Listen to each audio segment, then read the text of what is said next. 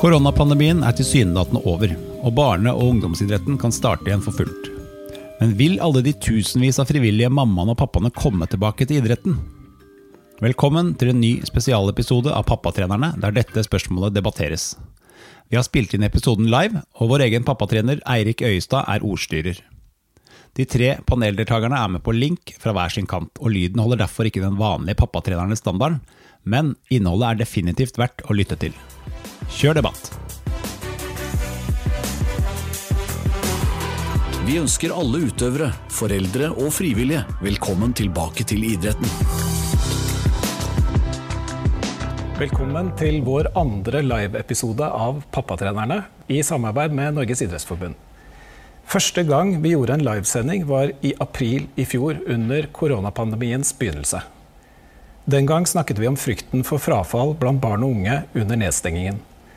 Jeg satt på loftet mitt og ledet en debatt med profiler fra idretten som alle satt hjemme i lockdown. Dagens tema er også frafall. Vil pandemien føre til at vi mister noen av de frivillige som bygger lagene? Og hva kan vi gjøre for å motvirke det? I dag er vi på Ullevål stadion hos Norges idrettsforbund. I disse korridorene er det å få alle tilbake i aktivitet prioritet nummer én. Her har vi med oss noen av våre fremste lagbyggere til å belyse dette viktige temaet. Hvordan bygger vi lag rundt de som bygger lagene? Dette temaet er brennaktuelt fordi vi er på vei ut av pandemi som har berørt folk. De som før brukte mesteparten av fritiden sin i hallen, på banen eller ute i løypa, har kanskje oppdaget at det finnes et annet liv. Eller rettere sagt at det finnes en annen tid. Familietid, Familietid. hyttetid, egentid.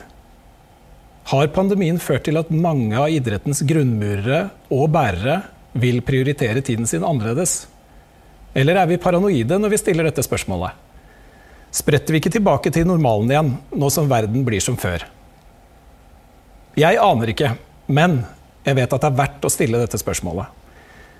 Jeg har selv gått fra tre til to lag som trener denne høsten. Ikke som en direkte konsekvens av korona, men beslutningen ble bekreftet av en god opplevelse av å ha nettopp annen tid. Og det skal ikke så mange til som tenker sånn. Altså som vil være litt mindre trener, oppkvinne, lagleder eller vaffelsteker før grunnmuren i idretten slår sprekker. Det er på tide å ta inn to gjester som har flere ting til felles. De er tidligere landslagskapteiner og høyt respekterte for sin innsats i disse rollene. De har begge hatt lange og innholdsrike karrierer, inkludert opphold i utlandet, som spillere på høyeste nivå. Og begge er pappatrenere. Bjarte Myrhol og Brede Hangeland er med oss. Jeg begynner med deg, Bjarte. Du er med fra, er Danmark. Med fra Danmark. Du er ikke Ja, hyggelig ja, å se deg. Du er ikke bare, er ikke trener, bare trener, selv, men du er også, ute og besøker klubber. klubber både i Norge, Både i Norge og, i Danmark, og, i Danmark, hvor du fortsatt bor. Du fortsatt bor. Eh, hva syns du? Hva syns er det paranoid å anta at vi vil se at eh, vi får frafall blant uh, trenere etter pandemien? Nei, absolutt ikke. Jeg har jo kjent på det sjøl allerede. At, at det toget som sto stille under korona, det har starta å kjøre med full, full fart. Og det er det er noen krevende ettermiddager når man skal ha unger i mat og kjøre på trening og holde treninger, og så hjem igjen. Eh, prøve å gjøre litt lekser, og så i seng. Så eh, at det her blir en utfordring, det er jeg sikker på. Når du er ute og møter trenere og andre ressurspersoner rundt omkring i klubbene, hvordan beskriver de hverdagen sin akkurat nå? Hektisk. Det er veldig mange som syns det er hektisk.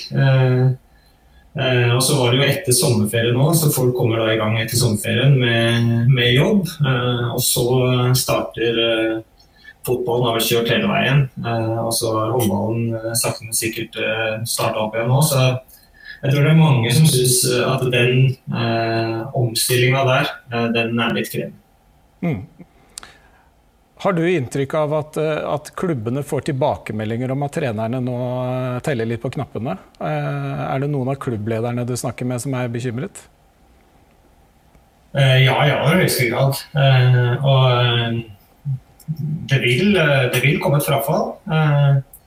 De som du sier jo så fint sjøl, du har gått fra tre til to. Det er jo ikke tilfeldig at det skjer nå. Du har merka åssen det var på den andre når det var litt roligere. Og det er utrolig givende å være barnetrener. Men det er søren meg også krevende. Så, så, det krever sin, sin person å stå det gjennom en hel sesong. Nå er jo du håndballpensjonist, har du fått bedre tid til å være pappatrener. Hvordan syns du det går som pappatrener? Som pappatrener går det ordentlig Det er ordentlig gøy. Eh, det syns jeg går helt strålende. Eh, nå er jeg, har jeg egentlig to roller, så jeg er ute og trener andre barn eh, også i andre klubber. Og de, de, holder jo helt kjeft når jeg er ute. Mens mine egne barn, der er det fullt kaos. Så det, det er akkurat sånn det skal være. Det er akkurat sånn det skal være. Det lyder veldig veldig kjent. Brede, du er nå spillerutvikler på herrelandslaget og en del av teamet til eh, Ståle Solbakken. Jeg antar at koronafrafall i det teamet ikke er et stort uh, tema, men du er også pappatrener for Hinnas jenter 9-lag. Så der har du begge beina planta i frivilligheten. Og du har kioskvakt klokka sju, så vi må holde, holde skjemaet her. Brede må gå uh, og dekke kiosken. Han sitter på klubbhuset. er ikke det riktig? Jo, det stemmer det. Men det er stille og rolig og fint her på Hinnas flotte klubbhus. Eh, enn så lenge i hvert fall. Så kommer vel innrykket i kiosken klokka syv, vil jeg tro. Veldig bra. Hvilken rolle har du i Hinna jenter 9? God, gammeldags eh, pappatrener på, på linje med, med, en del andre pappaer rundt det laget. Eh, jeg var med og og, og starta det laget, kan en kanskje si, i sin tid når, når, jentene var veldig små, før de hadde begynt på skole. Og, og den gangen så var vi to, to veldig engasjerte fedre som, som eh, gjerne ville at disse jentene skulle, skulle, få den samme trygge, fine, gode oppveksten i, i idretten som det vi sjøl hadde hatt. Eh, så så har eh, heldigvis eh, engasjementet og apparatet rundt dette jentelaget vokst eh, med årene. Og nå er det et veldig fint engasjement. Mange foreldre som bidrar på ulike måter. og og Det er jo litt av nøkkelen her, at en får mange nok rundt et lag. Og, og at foreldre ser verdien av å, å gi til ungene, men òg at det, det finnes et fellesskap i det å være foreldre rundt et lag som jeg, som jeg opplever som veldig fint. Hvordan har dere jobbet for å holde aktivitetsnivået oppe og, og gruppa samlet eh, gjennom en krevende pandemiperiode? Vi satte oss egentlig ned og bestemte oss tidlig for at uh, vi skal lese restriksjoner og regler med lupe og klare å gjennomføre aktivitet uh, så sant det er mulig så ofte som mulig. Fordi at det, har vært en kjip tid for alle, men, men kanskje spesielt for, for barn og unge. Så vi hadde et, et klart mål om at det skulle i hvert fall være trening så sant det var lov å ha trening. Og med avstandsregler osv.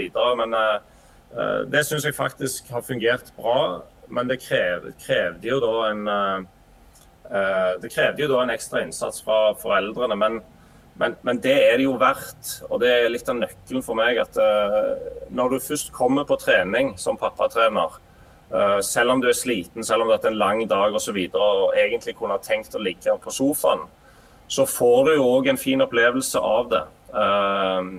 Jeg har det utelukkende sånn at det mange ganger eh, jeg godt kunne tenkt meg å slappe av, men når du kommer på trening og ser den gleden og kjenner på det fellesskapet, så er det alltid verdt det.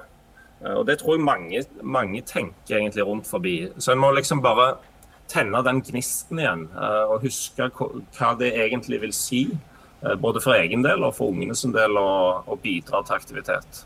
Mm, mm. Har dere fått flere voksne med i løpet av korona, etter hvert som man har måttet dele inn i kohorter og kanskje få mer av liksom den praktiske utfordringen rundt det å, å, å, arrangere trening? Har det vært en naturlig anledning til å invitere nye voksne inn? Ja, faktisk. Altså, det er jo et utall av oppgaver rundt et lag. Det var jo bl.a. koronavakter en periode som skulle notere ned navn osv. Rundt, uh, rundt kamper og, og treninger og kohorter og den slags. Sånn at det, uh, Jeg tror litt av nøkkelen rundt vårt lag har vært nettopp det uh, å fordele oppgavene så bredt som mulig. Altså Det er mange foreldre som, som gjerne ikke har noe bakgrunn i fotballen f.eks., og, og kanskje der, gjennom det har litt sånn berøringsangst med det å være, eh, være rundt et lag. men men uh, folk kan gjøre forskjellige ting. Noen kan uh, skrive koronalister, noen kan pumpe opp baller, noen kan lage kaffe. Så jeg tror veldig på det å få engasjert flest mulig i en foreldregruppe rundt et lag. Det har, det, har, i hvert fall fungert fint for oss. og, og det gir jo òg en enorm fellesskapsfølelse blant jentene når det er mange foreldre som er engasjert rundt laget. Du er jo en del av et landslagsapparat, og du har erfaring som, eh, som toppspiller og er vant til å ha et stort uh, apparat rundt deg. Res, uh, masse ressurser rundt uh, laget. Hva er overførbart når vi snakker om å bygge gode team rundt lagene i, i barneidretten? Mange ting, tror jeg egentlig. Altså, trygghet, jo, trygghet og fellesskapsfølelse det, det er nøkkelord på alle nivåer. enten en representerer et A-landslag, som jeg har gjort og som Bjarte har gjort, eller du er på, i barnefotballen eller så må en føle trygghet og tilhørighet. Uh, og en må føle at en er med på noe sammen med andre. Uh, så, så, det gjelder, tror jeg, uavhengig av, uh, av nivå. så er selvfølgelig kravene i toppidretten nådeløse på et helt annet nivå enn det skal være i barneidretten. Men, men men den følelsen av at vi er sammen om noe, uh, og at du gir noe og får igjen, uh, den tror jeg skal være på alle nivåer i idretten. Det er det som er fint med idrett. Uh, og det må vi prøve å legge til rette for i, i barneidretten. Mm. Dere har sett at lag rundt dere har falt fra i løpet av korona. Og at de klubbene som kanskje hadde mindre ressurser fra før, har slitt mer med korona Eh, eller gjennom denne, denne perioden her.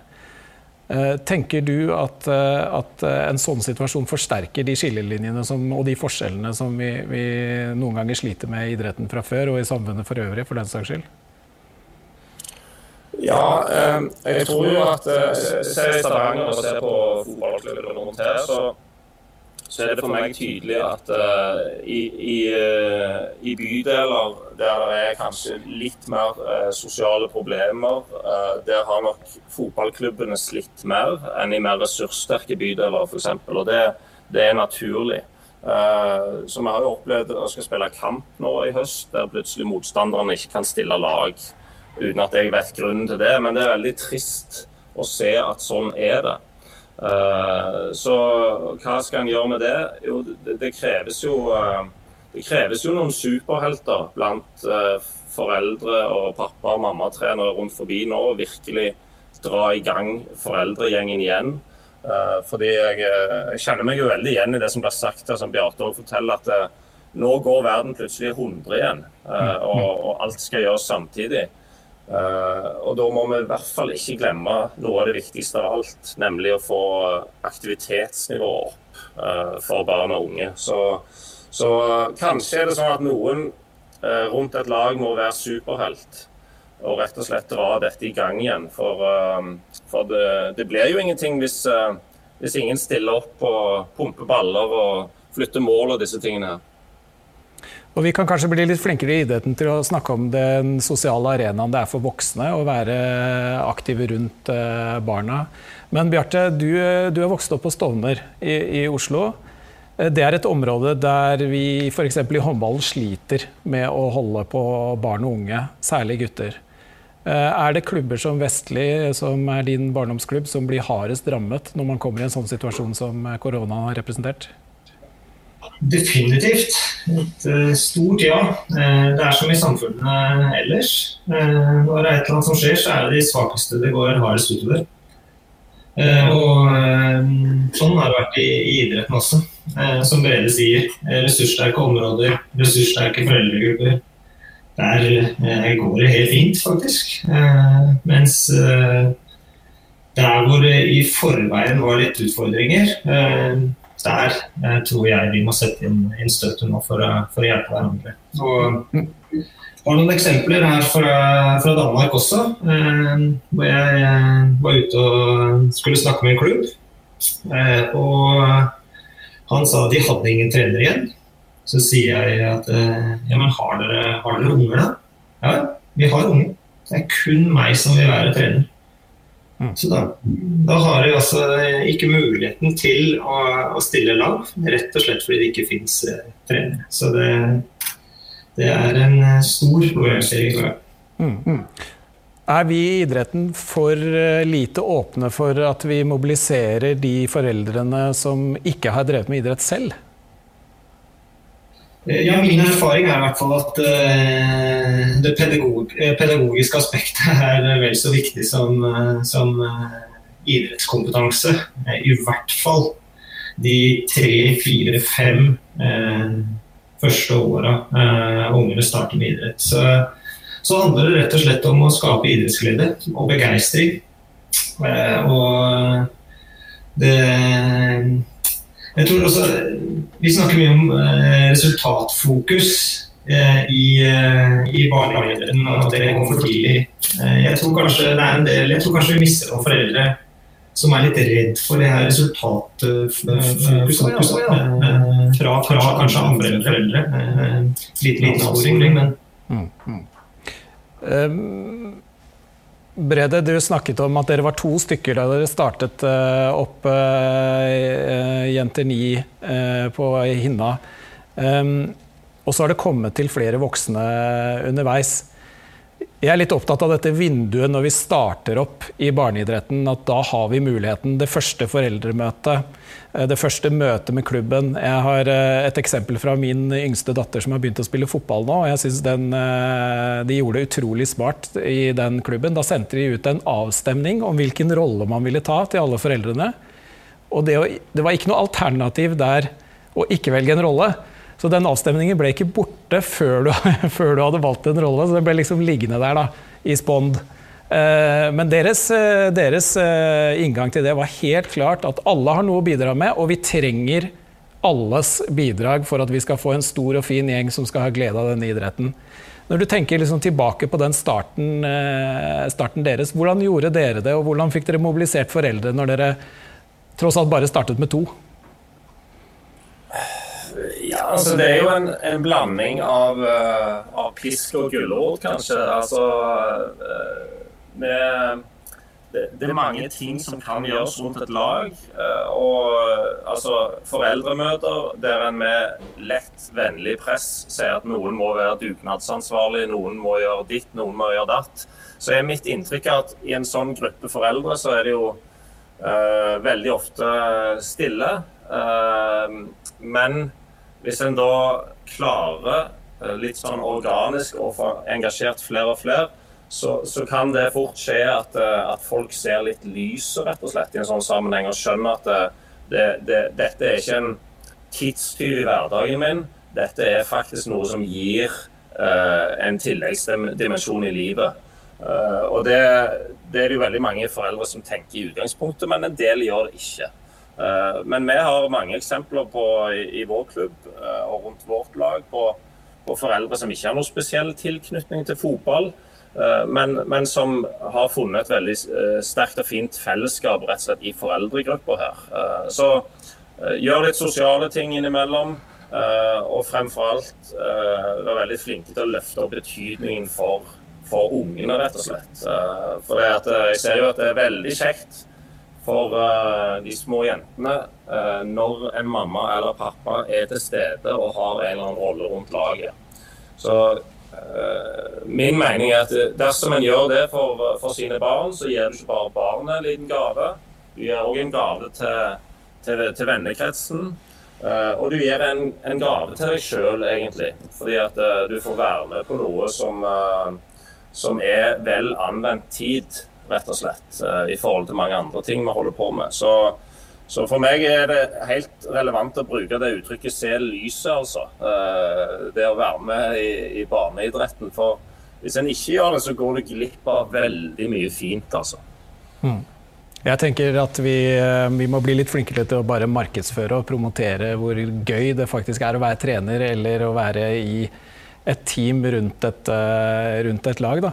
Bjarte, i løpet av din karriere så har du hatt mange forskjellige trenere på mange ulike nivåer.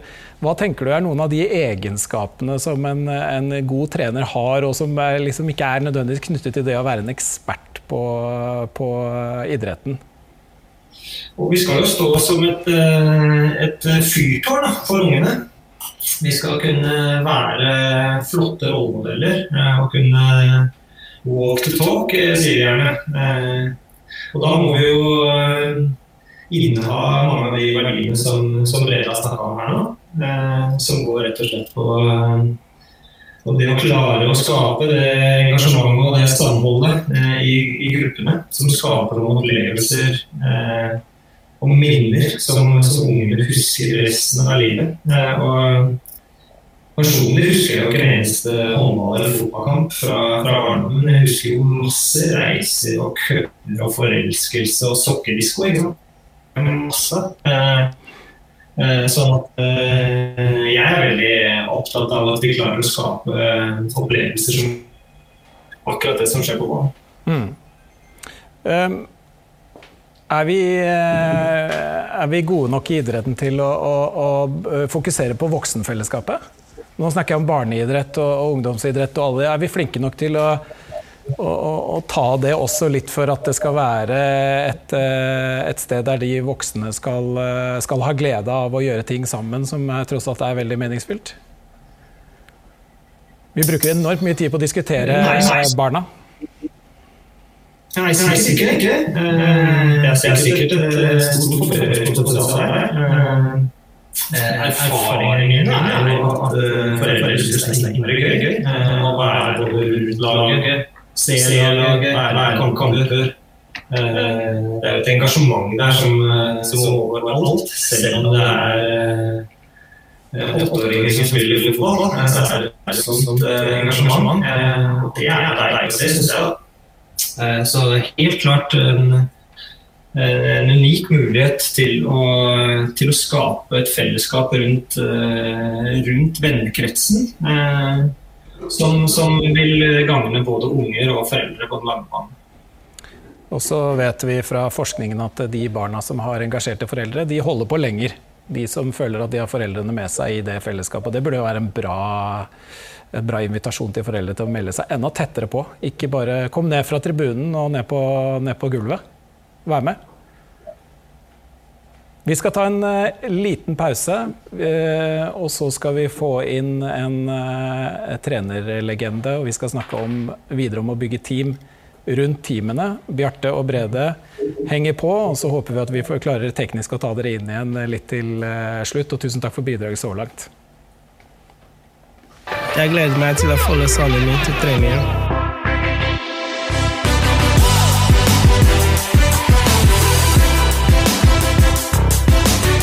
Vi ønsker alle foreldre velkommen tilbake til idretten. Marit Breivik er en trenerlegende. Da Marit ga seg som landslagstrener i 2009, hadde hun ført Norge til 13 internasjonale medaljer på 15 år. Nå jobber hun som sommeridrettssjef og assisterende toppidrettssjef i Olympiatoppen. Og så har hun i tre år vært bestemortrener, hennes egen tittel, for elleve år gamle jenter i Kjelsås. Eh, Marit, for meg og mange andre som fusker i dette trenerfaget, så er du selve bildet på en eh, lagbygger. Hvorfor tror du det er sånn?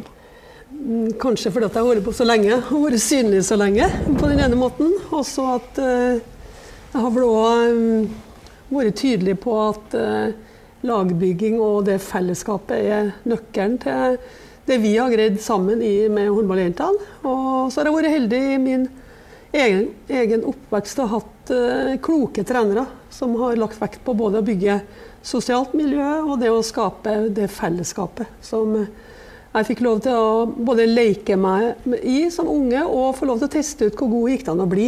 Så det var en veldig fin kombinasjon å vokse opp i. Og så, eh, når det først uh, ble sånn at jeg dreide mer og mer tida mi over på trener, så, så hadde jeg jo med meg en god ballast gjennom lærerutdanning. og og den delen, så eh, Og så har jeg stått i det lenge, så jeg tror det henger sammen med det, da, kanskje. Mm.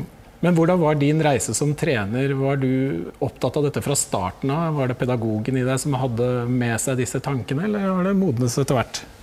Det har i hvert fall utvikla seg etter hvert, eh, og ikke minst dette her med eh, å bygge lag i den forstand at du skal skape et personlig engasjement til alle som er med i laget. Så at ikke det blir bare noen få som skal dra lasset. Det, det har utvikla seg egentlig ganske sterkt ja, like før jeg ble landslagstrener, egentlig. Mm. For uh, jeg, når jeg ble trener på fulltid i Byåsen, så var jeg sammen, sam, samme som jeg har opplevd sjøl som landslagsspiller, og som jeg opplevde også som uh, klubbspiller på elitenivå. At det var, det var veldig en førstemålvakt og en førstesekser. Uh, når jeg kom til Larvik, da, som var nyopprykka i Eliteserien, så var det ikke, det pekte seg ikke ut en sånn dominerende startoppstilling eller en målvakt. så det ble egentlig å begynne å jobbe med litt breie, mer bredde. Og så var det så vidt vi berga plassen i, første, i Eliteserien første året. Så ble det enda viktigere for meg å begynne å se på men hvordan skal vi få flere til å dra lasset. Og det var en ganske vekker. Og, og så tenker jeg jo at uh, er du landslagsutøver og spiller håndball uh, og trener så mye som du gjør, så er det veldig godt å få smake litt på kamp òg. Mm. For det første i det, så jeg fikk jo ganske mye kritikk det første året som landslagstrener fordi at jeg bytta ut folk som spilte godt, for at andre som var på benken, skulle få lov til å kjenne på kampen. Og det var ganske frustrerende for spillere òg, for de var vant til at så lenge de spiller godt, så står de på banen. Så, så jeg har nok utvikla det veldig gjennom, gjennom den landslagsperioden. Og så har jeg jo sett da at det, det er mye kraft i spillergruppa til å øke dette team som metode. Det betyr at to eller flere jobber intenst sammen for å løse en eller flere oppgaver eller nå noen, noen mål. Så det ble veldig sånn team i teamet-tenking og jobbing. Og Det syns jeg tar med meg i Olympiatoppen, og det tar jeg med i Jenter 11 år i Kjelsås også. Det er veldig spennende. Og Det er jo det vi er kanskje mest eh, spent på her. da. Hvordan har du tatt dette inn i, i jobben med Jenter 11 på Kjelsås? Det er jo i startfasen, eh, og det er jo, det er jo unger skal få lov til å være det. Men eh, du verden så mye kloke hoder det er i de jentene der. Selv om det er ulik modenhetsgrad, så jeg, kom jeg inn i, i teamet fordi at Kari, altså som dattera til mannen min, min bonusdatter, da, hun var trener. Og så skulle jeg gjøre ferdig en master nummer to, så sier han Marit, kan ikke du ta hovedtrenerrollen ett år? Er, nå er jeg på det fjerde året, da, så de var jo bare ni, nei, de var bare åtte da. Um, da var vi 30, noen og 30 jenter, nå er vi 53. Uh, men vi har hatt foreldremøter for å rekruttere trenere. Så jeg har med meg 13 flotte foreldre, i et trenerteam. Så det er jo ikke sånn at alle kan være der hele tida, men vi, vi, søker da i det trenerteamarbeidet så søker vi sånn at en trener som er litt mer garva og kjent og har kunnskap om håndball, kan være sammen med en som er litt ferskere, sånn at det blir trygt å være trener. Og så er det jo ikke sånn at vi er sånn råsystematisk, men det er i hvert fall det som er litt øye på. Og så er jo jeg veldig teamorientert. Jeg syns det er veldig inspirerende sjøl å være i team. Og så hadde vi én oppmann og nu, eh, du sa oppkvinne i stad, la jeg merke til. Um, jeg er veldig glad Brede, at du sier både mammatrener og pappatrener, for det er jo, det er jo begge. Så ikke det blir bare pappatreneren. Nei, nei. Uh, uh, vi var en, en, en, mor da, som var oppmann, og så så jo jeg at det, som du sier, det er ganske så mange oppgaver som skal løses. Du skal administrere respond og legge inn og, og, og så skal du ha, organisere halvvakter, og så skal du ha utstyr. Så vi da, jeg sa til hun at det kan være lurt å få med flere der, så nå er det et administrativt team der, som er tre. Mm. Men nå er det ei som har gått over fra håndball til basket, som har den mamma, som du, du trenger å rekruttere en, en ekstra en der, sånn at de orker å holde på lenge. For det tar litt tid før de blir gode i de oppgavene der òg. Mm. Og, og, og, da er det lurt å være flere. Og så har vi da, for å støtte opp under uh, trenere og laget, så er det et trivselsteam. Som òg uh, er sånn som holder litt øye med og kan lage litt sånn sosiale eh, aktiviteter. Når ikke det er den pandemien, da, for det var jo ganske krevende. så da ble det ikke så mye sosiale aktiviteter. Men i går var jo første treninga hvor det i Oslo her i hvert fall var anledning til å ha flere enn 20 sammen i ei gruppe. Så da brukte vi litt tid på at vi delte inn i litt grupper med, med utøverne og spillerne, for der er det jo òg veldig stor teamressurs. Mm. Du er lagspiller og skal spille på lag. Når du er 11 år og litt usikker, så søker du bare den du kjenner best. Men vi skal jo øve oss på at du skal bli god sammen med flere. Og det er utrolig spennende å ta seg litt tid til å få snakka godt med jentene. Og, og ikke minst la dem øve seg i å få snakke med hverandre. Så, men vi er bare i starten, da. Du sa at eh, dere har brukt foreldremøte til å rekruttere trenere. Hva er det du lokker med? Eh, Det er først og Bortsett fra å fremst få jobb med Mari Breivik. Ja, det er først og fremst eh, verdien av å ha mange for å kunne yte de jentene litt rettferdighet i trening. For det er jo som eh, jeg tror eh, Bjarte sa i stad, eller om det var Brede, det, det er ganske krevende å skal gi god oppfølging på, på spillerne som er i veldig ulik utvikling. Og det er jo Vi er veldig sånn Du skal jo på en måte la de få lov til å jobbe alene, det er ikke det jeg mener, men det å, gi, det å se de. Og, og, gi, og det så jeg I går så responderte jo de på når vi hadde litt sånn gruppearbeid, at det å få, skryt fra treneren var viktig. Det kom som ett stikkord. Og da skal du være veldig sånn personlig i den. Eh, og hvis du skal nå 25 hvis du har på ei økt, da, eller 28, så eh, gjør du ikke det alene som trener. Men er vi fire-fem trenere på den økta, så hjelper det. Men det å rekruttere er at det er veldig artig. Det er som dere sier, det er kjempeartig. Og, eh, og så får du det fellesskapet både i treningssituasjonen, men du får det òg i, i, i hele lokalmiljøet. Da. Du kan jo si at Kjelsås er krevende i den forstand, for det er seks forskjellige skoler de ungene kommer fra. eh, Med ulikt antall fra skole til skole. Men eh, nå når det åpner opp igjen, og det foreldrene kan også være litt mer på tribunen og se, så tror jeg det kan Og vi trenger å ha et fysisk foreldremøte. Vi har hatt bare Teams-møter i pandemien. Da er det ikke så lett å lokke eh, folk inn. Da kan man skru av kameraet hvis man ikke vil melde seg. Men det er, det er positivt. eh, Først og fremst for at ungene er positive, syns jeg. Mm. Du er jo i Kjelsås, som er en, eh, både en tradisjonsrik og en ressurssterk eh, klubb. Vi har vært inne på noen av disse klubbene som ikke har så mye ressurser, som ikke har tilgang kanskje på så mange voksne som ønsker eller kan bidra. Hvilke av dine prinsipper kan vi trekke inn når vi har færre å spille på i forhold til team? Målet, målet må være å, å hente inn flere. Eh, Det er jo sånn, Hvis en har unger, så har jo de som regel noen foresatte. Foreldre eller bonusforeldre osv. Så, videre. så så det å søke kontakt tror jeg er en nøkkel. Det å ufarliggjøre det. Eh, At jeg, var på et barnehåndballseminar i regi av Håndballforbundet hvor jeg har et innlegg med Valerie Putan, som har jobba veldig mye med et veldig rikt eh, sånn, utvikling av øvelsesutvalg for barnehåndball. Og han tauer jo foreldra fra tribunen inn i økta uten at de hører til et trenerteam. Bli med her, hjelp meg litt der. Så, så det er ulike måter å, å gjøre det på. Jeg tror det er kjempeviktig at en åpner opp og la, gjør plass til foreldrene. Og eh, min inngang er jo at det er en foreldreressurs. Og så får vi trenerne tåle at det kan være noen foreldre i litt sånn uvitenhet kan komme med både noen klager og noen uh, litt sneversynte kommentarer. Eh, Og det er jo fordi at ikke har lært opp dem ordentlig. Mm. Så, men vi skal ha, ha en tidsressurs til å, å drive teambygging. Og det er ikke alltid at en foreldretrener har. Så jeg syns der er jo sånn eh, samfunnsmessig eller Kulturdepartementet eller myndighetene kunne ha økt betraktelig større støtte til frivilligheten.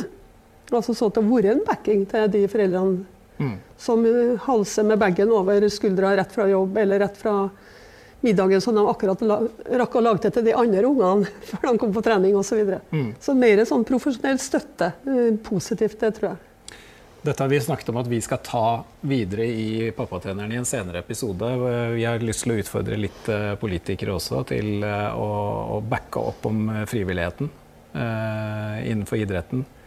Um, men jeg har lyst til å spørre deg også om eh, viktigheten av å få inn eh, andre typer blikk inn i håndballen. Jeg tenker, ikke i håndballen, men i idretten eh, generelt. Jeg tenker at Når vi får inn andre foreldre, har jeg også litt erfaring med, som har ikke har den samme bakgrunnen som oss selv, som har drevet med en idrett og blitt trener litt sånn tradisjonelt, ser jo noen andre ting.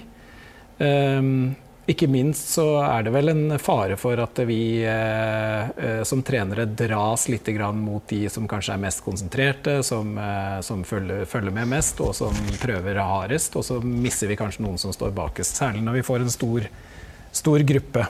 Eh, og Du nevner jo Heidi Løke for eksempel, som et eksempel på en som kanskje ikke var den som ble oppdaget først. Eh, og som eh, ikke var på landslag tidlig, men som eh, blomstrer sent. Jeg tenker Punkt én, det må være aktivitetsgladen i seg sjøl. Ikke nødvendigvis at alle sammen skal ha en veldig ambisiøs målsetting med å holde på. Så er jo det positive oppvekstmiljøet hvor du har det fint sammen med venner, får nye venner f.eks. Det er det viktigste med barneidretten. Men det betyr ikke at det ikke skal være kvalitet, sånn at det er en læring og utvikling der. Og den er ser jeg jo bare i den gruppa vi har veldig sprik på, på uh, konsentrasjon, motivasjon. Av og til så kan du lure på om de er sendt dit fordi at foreldre skal ha litt pause fra ungene sine. men det som vi øver oss på, i hvert fall i den gruppa vår, det er å være, være nysgjerrig på å lete på hva kan treffe den ungen. Du skal kombinere og balansere at det skal være disiplin i en viss grad, sånn at ikke du ødelegger for andre. Men samtidig så er det jo sånn Hva er det som kan treffe den ungen som er sent utvikla, f.eks., eller har opplevd et eller annet på dagen som gjør at uh, du ikke er helt til stede. Så det, det å være sånn nysgjerrig og leite, og ikke ha sånn overambisiøse um, tanker om hva du skal rekke på den økta, mm. med alle. Og da er det fordel å være flere. Sånn at ikke én eller tre får all oppmerksomheten din, og så går de andre for, for lut og kaldt vann. Mm. Så da er det veldig positivt å være flere trenere da. Når du lager en plan, um, hvordan deler du den planen, og hvordan får du resten av tiden? Det er jo en hektisk hverdag, og det er jo det som er uh, å være mamma- og pappatrener. Det er jo at Man holder gjerne på med noe annet på dagtid, og så skal man rett videre til en trening. Vi har sjekka, eller henta ut liksom, hvem er det nå av de trenerne som har lyst til å lage øktinnslag eller forslag til økte øktinnslag. Så jeg har tenkt at jeg vil, jeg vil gjøre de veldig dårlige hvis det er jeg som skal lage planene. Mm. Så kan, vi kan diskutere tema, og så kan det være fordelt litt hvem som lager økt i forhold til eh, lekeprega oppvarming eller eh, ekstra skuddtrening. For at eh, tirsdager har vi den kjempefine veggen, så da får vi mange doser med skudd. I stedet for at du bare skal skyte på målet med mm. målvakt. Vi, og da kan det være en trener som Så det prøver vi å rullere på, da. Og så kjører vi, ser vi at på de elleveåringene så kan det være lurt å holde litt på samme tema og litt samme øktene. En type på tirsdag, en annen type på fredag i en tre-fire uker i hvert fall. Mm. For da går organiseringa glattere, og, og, de begynner å få mestring i det de holder på med. Så, og de tåler, de tåler, at det går igjen noen faste øvelser som de blir trygge på. Mm. Hva er de viktige rollene i et foreldreteam eller et voksenteam rundt et barnelag? Ja, Det kan sikkert de foreldrene si mer, men jeg, jeg tenker, det jeg opplever nå, er at det kan være litt krevende for én foreldre å korrigere en annens foreldres unger. Eh, eller det kan være krevende for eh, en forelder å korrigere sin egen datter. Så, så dere ser ikke jeg noe fasit på. Eh, vi prøver å hjelpe hverandre. sånn, 'Marit, kan ikke du ta og følge opp dattera mi litt, for det hjelper ikke hva jeg sier'. Mm. Kan jeg få Og så kan det være at vi, mm, vi trenger å splitte noen. For at de, de, de gjør hverandre dårlig og ukonsentrert i økta. Så det er noe med å leve i det nuet. Og, og lete på hva er det som treffer ungene. Jeg syns egentlig det er ganske få sånn bastante um, oppskrifter mm. som jeg kjenner. Har du utviklet deg som trener av å ta over et jenter eh, jeg, jeg håper da det. Jeg blir i hvert fall ikke noe mindre nysgjerrig på hva som bor i den enkelte. Men, eh, er det noe du tenker at ah, dette skulle jeg hatt med meg på landslaget? Det har jeg vel egentlig ikke tenkt. Eh, men eh, det er jo ting jeg gjorde på landslaget, og, og kunne tenkt meg at det skulle jeg starta med mye før. Mm. Så det er jo en læring gjennom 15 år i et, eh, et landslagsløp. Så, og, og, det viktigste er jo egentlig å ta til seg tilbakemeldinger uten å bli veldig sånn prestisjefylt på det. Og det gjelder jo òg i forhold til de ungene der, hvis du ser at ting ikke virker. Og, og prøv noe annet. Eller sjekke hvorfor det ikke virker. Du kaller deg jo bestemortrener. Det er ikke mange besteforeldre der ute som er trenere. Jeg tror ikke jeg har møtt noen ja, i de sju årene jeg har Det er så morsomt, for noen av de jentene de, de vet jo at jeg er bonusbestemor til Vilma. da. Og, så, og det går eh, en gang i måneden, eller sånn, så er det en eller annen av de jentene som sier 'Hvor gammel er du egentlig, Marit?' Og så sier han 'Nå er jeg jo 66', da. 'Å, min bestemor er 70', hun.' Men de liksom bare forteller meg alderen på sine besteforeldre nå. Eh, nei, men det er jo mange, mange eh, pensjonister som har, har energi og ressurser til, eller, og tid. Da. Så de må jo gjerne inviteres inn, eh, i den grad at de kjenner at de har energi til det. Dette er en uutnyttet ressurs. Det er, Jeg har en svigerfar som har tolv års erfaring som fotballtrener. Og spiller fotball selv. Og har han bare sett seg i sofaen. Nei da, Nei. han er med på alle med kamper på, kamper og følger opp. Men uh, Ja, jeg har ikke klart å lokke han inn som trener ennå, men jeg skal prøve. Nei, Men, eh, som mens, du sier, det er mange andre roller. Som uh, Brede sa i stad, det er utrolig mange oppgaver som eh, det, blir, det blir et mye sterkere miljø hvis vi får det til å flyte litt, og, og verdsette at du gjør litt. Du trenger ikke å bli oppslukt. Mm. Og da tror jeg folk orker mer òg. Det, Mm. det er vår erfaring òg. Vi skal se om vi kan få med oss eh, Brede og, Bjarte her på, på slutten. Jeg håper de har hørt hva Marit har, eh, har snakket om. Jeg regner med at dere kjenner dere igjen i, eh, i det Marit, Marit sier. Brede, når du nå trener eh, jenter 9, hva konkret er det du liksom tar med deg ut eh, som du har eh, med deg fra toppfotballen? Hva er det du tar med deg ut på feltet der som du syns er viktig? Jeg syns Marit sa veldig mye klokt som jeg kjente meg igjen i. Eh, Altså, det er vel et annet fellestrekk eh, både i toppidretten og i barneidretten at en, en må prøve å uh, se den enkelte i størst mulig grad. Uh, og jeg er veldig enig i at det kan være en utfordring i barneidrett når det er så mange du skal forholde deg til. Men, men uh, jeg har erfart gjennom noen år med dette laget at eh, det, det, det, bor noe i, eh, i hvert barn som bare venter på å bli oppdaga. Og, og for å oppdage det, så må en noen ganger bare sette seg ned på kne og ta litt tid med den enkelte. Og så er det sånn at alle responderer eh, godt på å få litt ros. Eh, og det finnes alltid en grunn til å gi barn ros på en, eh, på en trening. Eh, og, og det bygger òg en slags sånn tillit, syns jeg, da, mellom, mellom jentene og oss som eh, foreldretrenere. Eh, så mye ros, eh, så mye som mulig. Eh, og så, har jo jeg med meg litt sånn toppidrettstankegang, da, at jeg syns det er kjekt hvis de blir, eh, hvis de blir bedre. Og det merker jeg at jentene òg syns er kjekt. Så litt disiplin, litt rammer, gir jo òg en trygghet.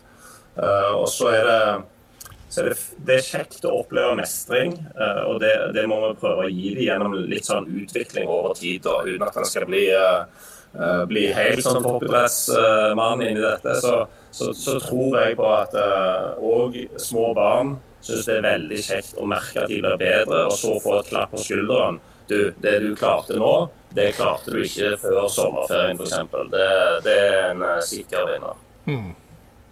Og tid er jo liksom det kritiske, knappe ressursen her. Eh, og, og jo flere foreldre og jo flere voksne vi får inn, det gir jo faktisk mer tid til å se hver enkelt.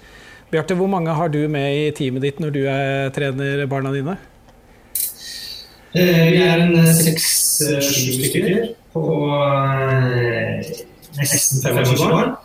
Så vi er ganske mange, vi også. Eh, Og helt nødvendig eh, å kunne ha seg så mange. eh, Rett og slett fordi man også skal ha muligheten til å si at i dag har jeg ikke muligheten til å komme. Så eh, er det noen andre som kan eh, trå til. Hvordan snakker dere i teamet om, om å på en måte fordele det ansvaret for å, for å følge opp eh, hver enkelt? Nå, det, det sier Marit, og det snakker Brede om også, det å liksom tenne gnisten, eller også, å få gitt en personlig tilbakemelding til, til eh, hver enkelt. Det er jo noe av det enkleste å si, men også noe av det vanskeligste å gjennomføre i, i praksis. Jeg har eh, tatt min inspirasjon fra gymnastikker, eller turn, eh, som det heter på norsk. Nå skal jeg bli litt dansk her. Eh, I turninga så er det jo 25 barn og 12 voksne som står der og hjelper hvert enkelt barn. Og det er den inspirasjonen jeg har litt lyst til å bringe inn i, i håndballen, i hvert fall. Og skape små grupper.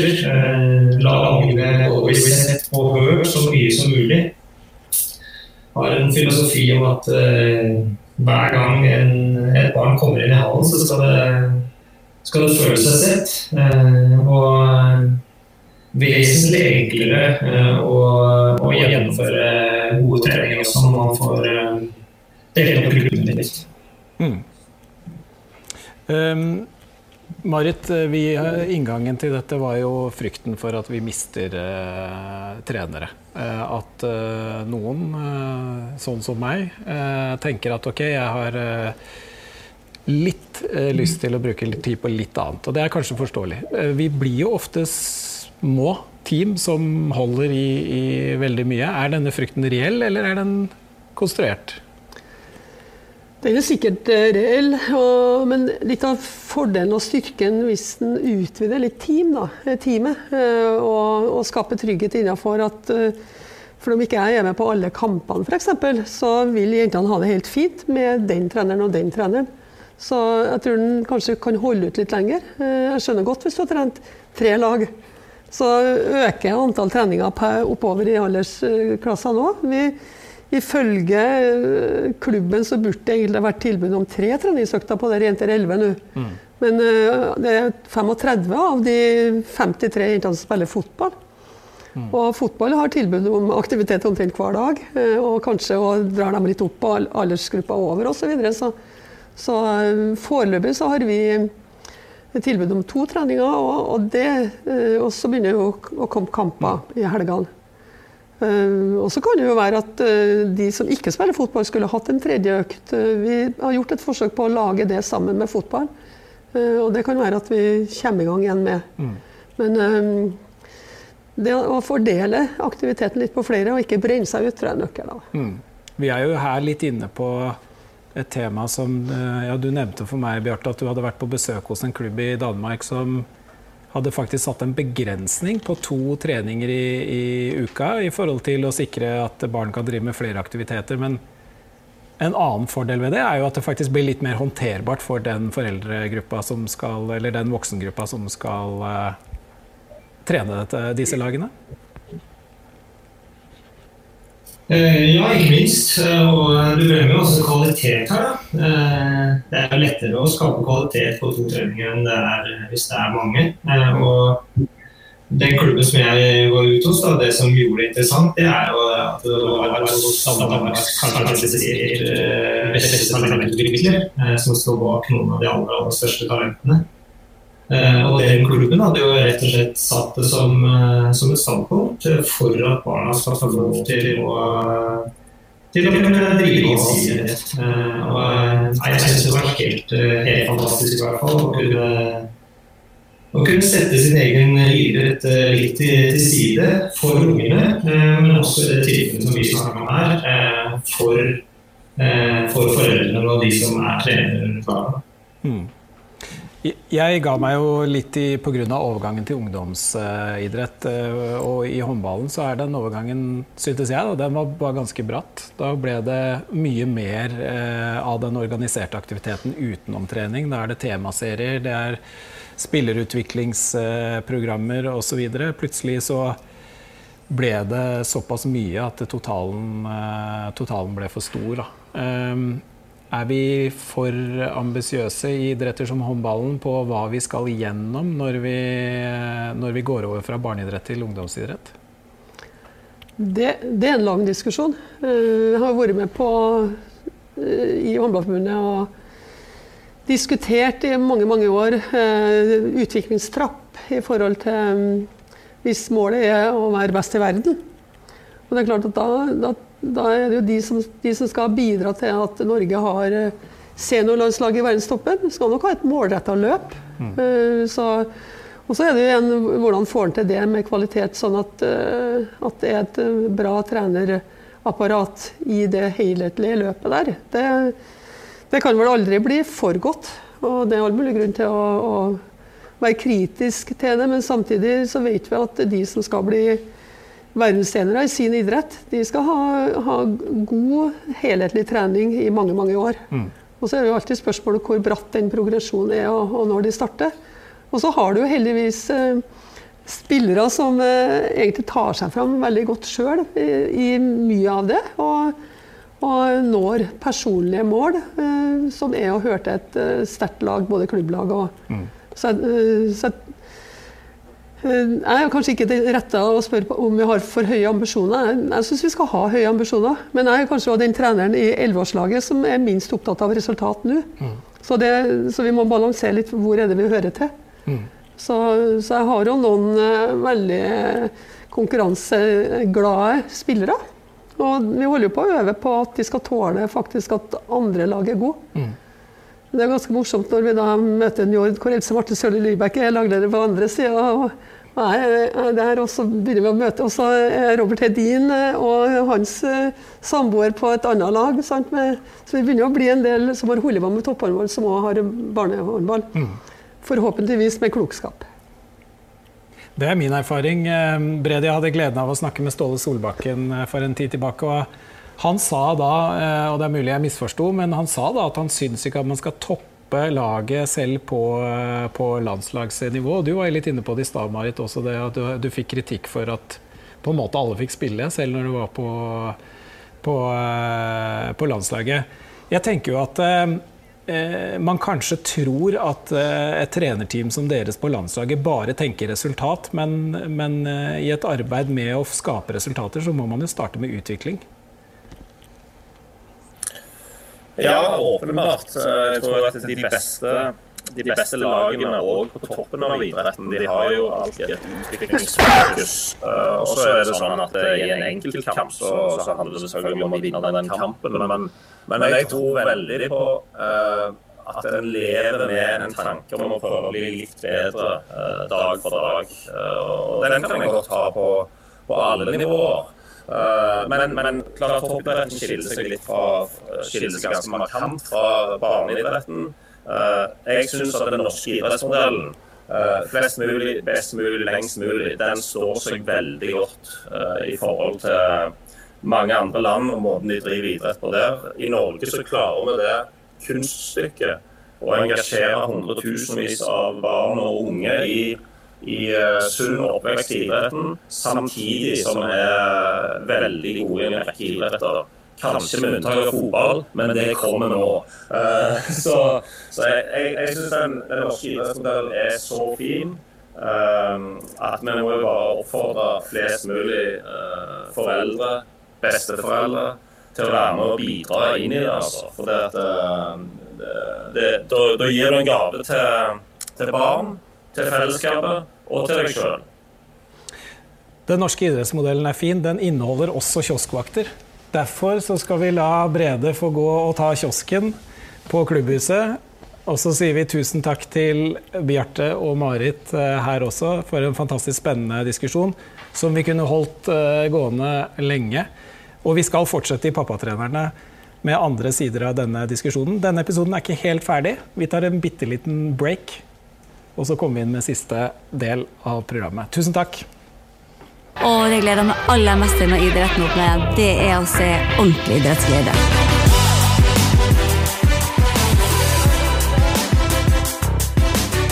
Vi ønsker alle frivillige velkommen tilbake til idretten. Du har hørt en episode av Pappatrenerne, som lages av oss, Eirik Øyestad og Martin Blekkerud. Pappatrenerne er produsert av kommunikasjonsbyrået Sleger. Takk til våre samarbeidspartner Norsk Tipping, som gjør det mulig for oss å gå i dybden på barneidretten. Les mer på Norsk Tippings nettsider om grasrottrenerkonseptet.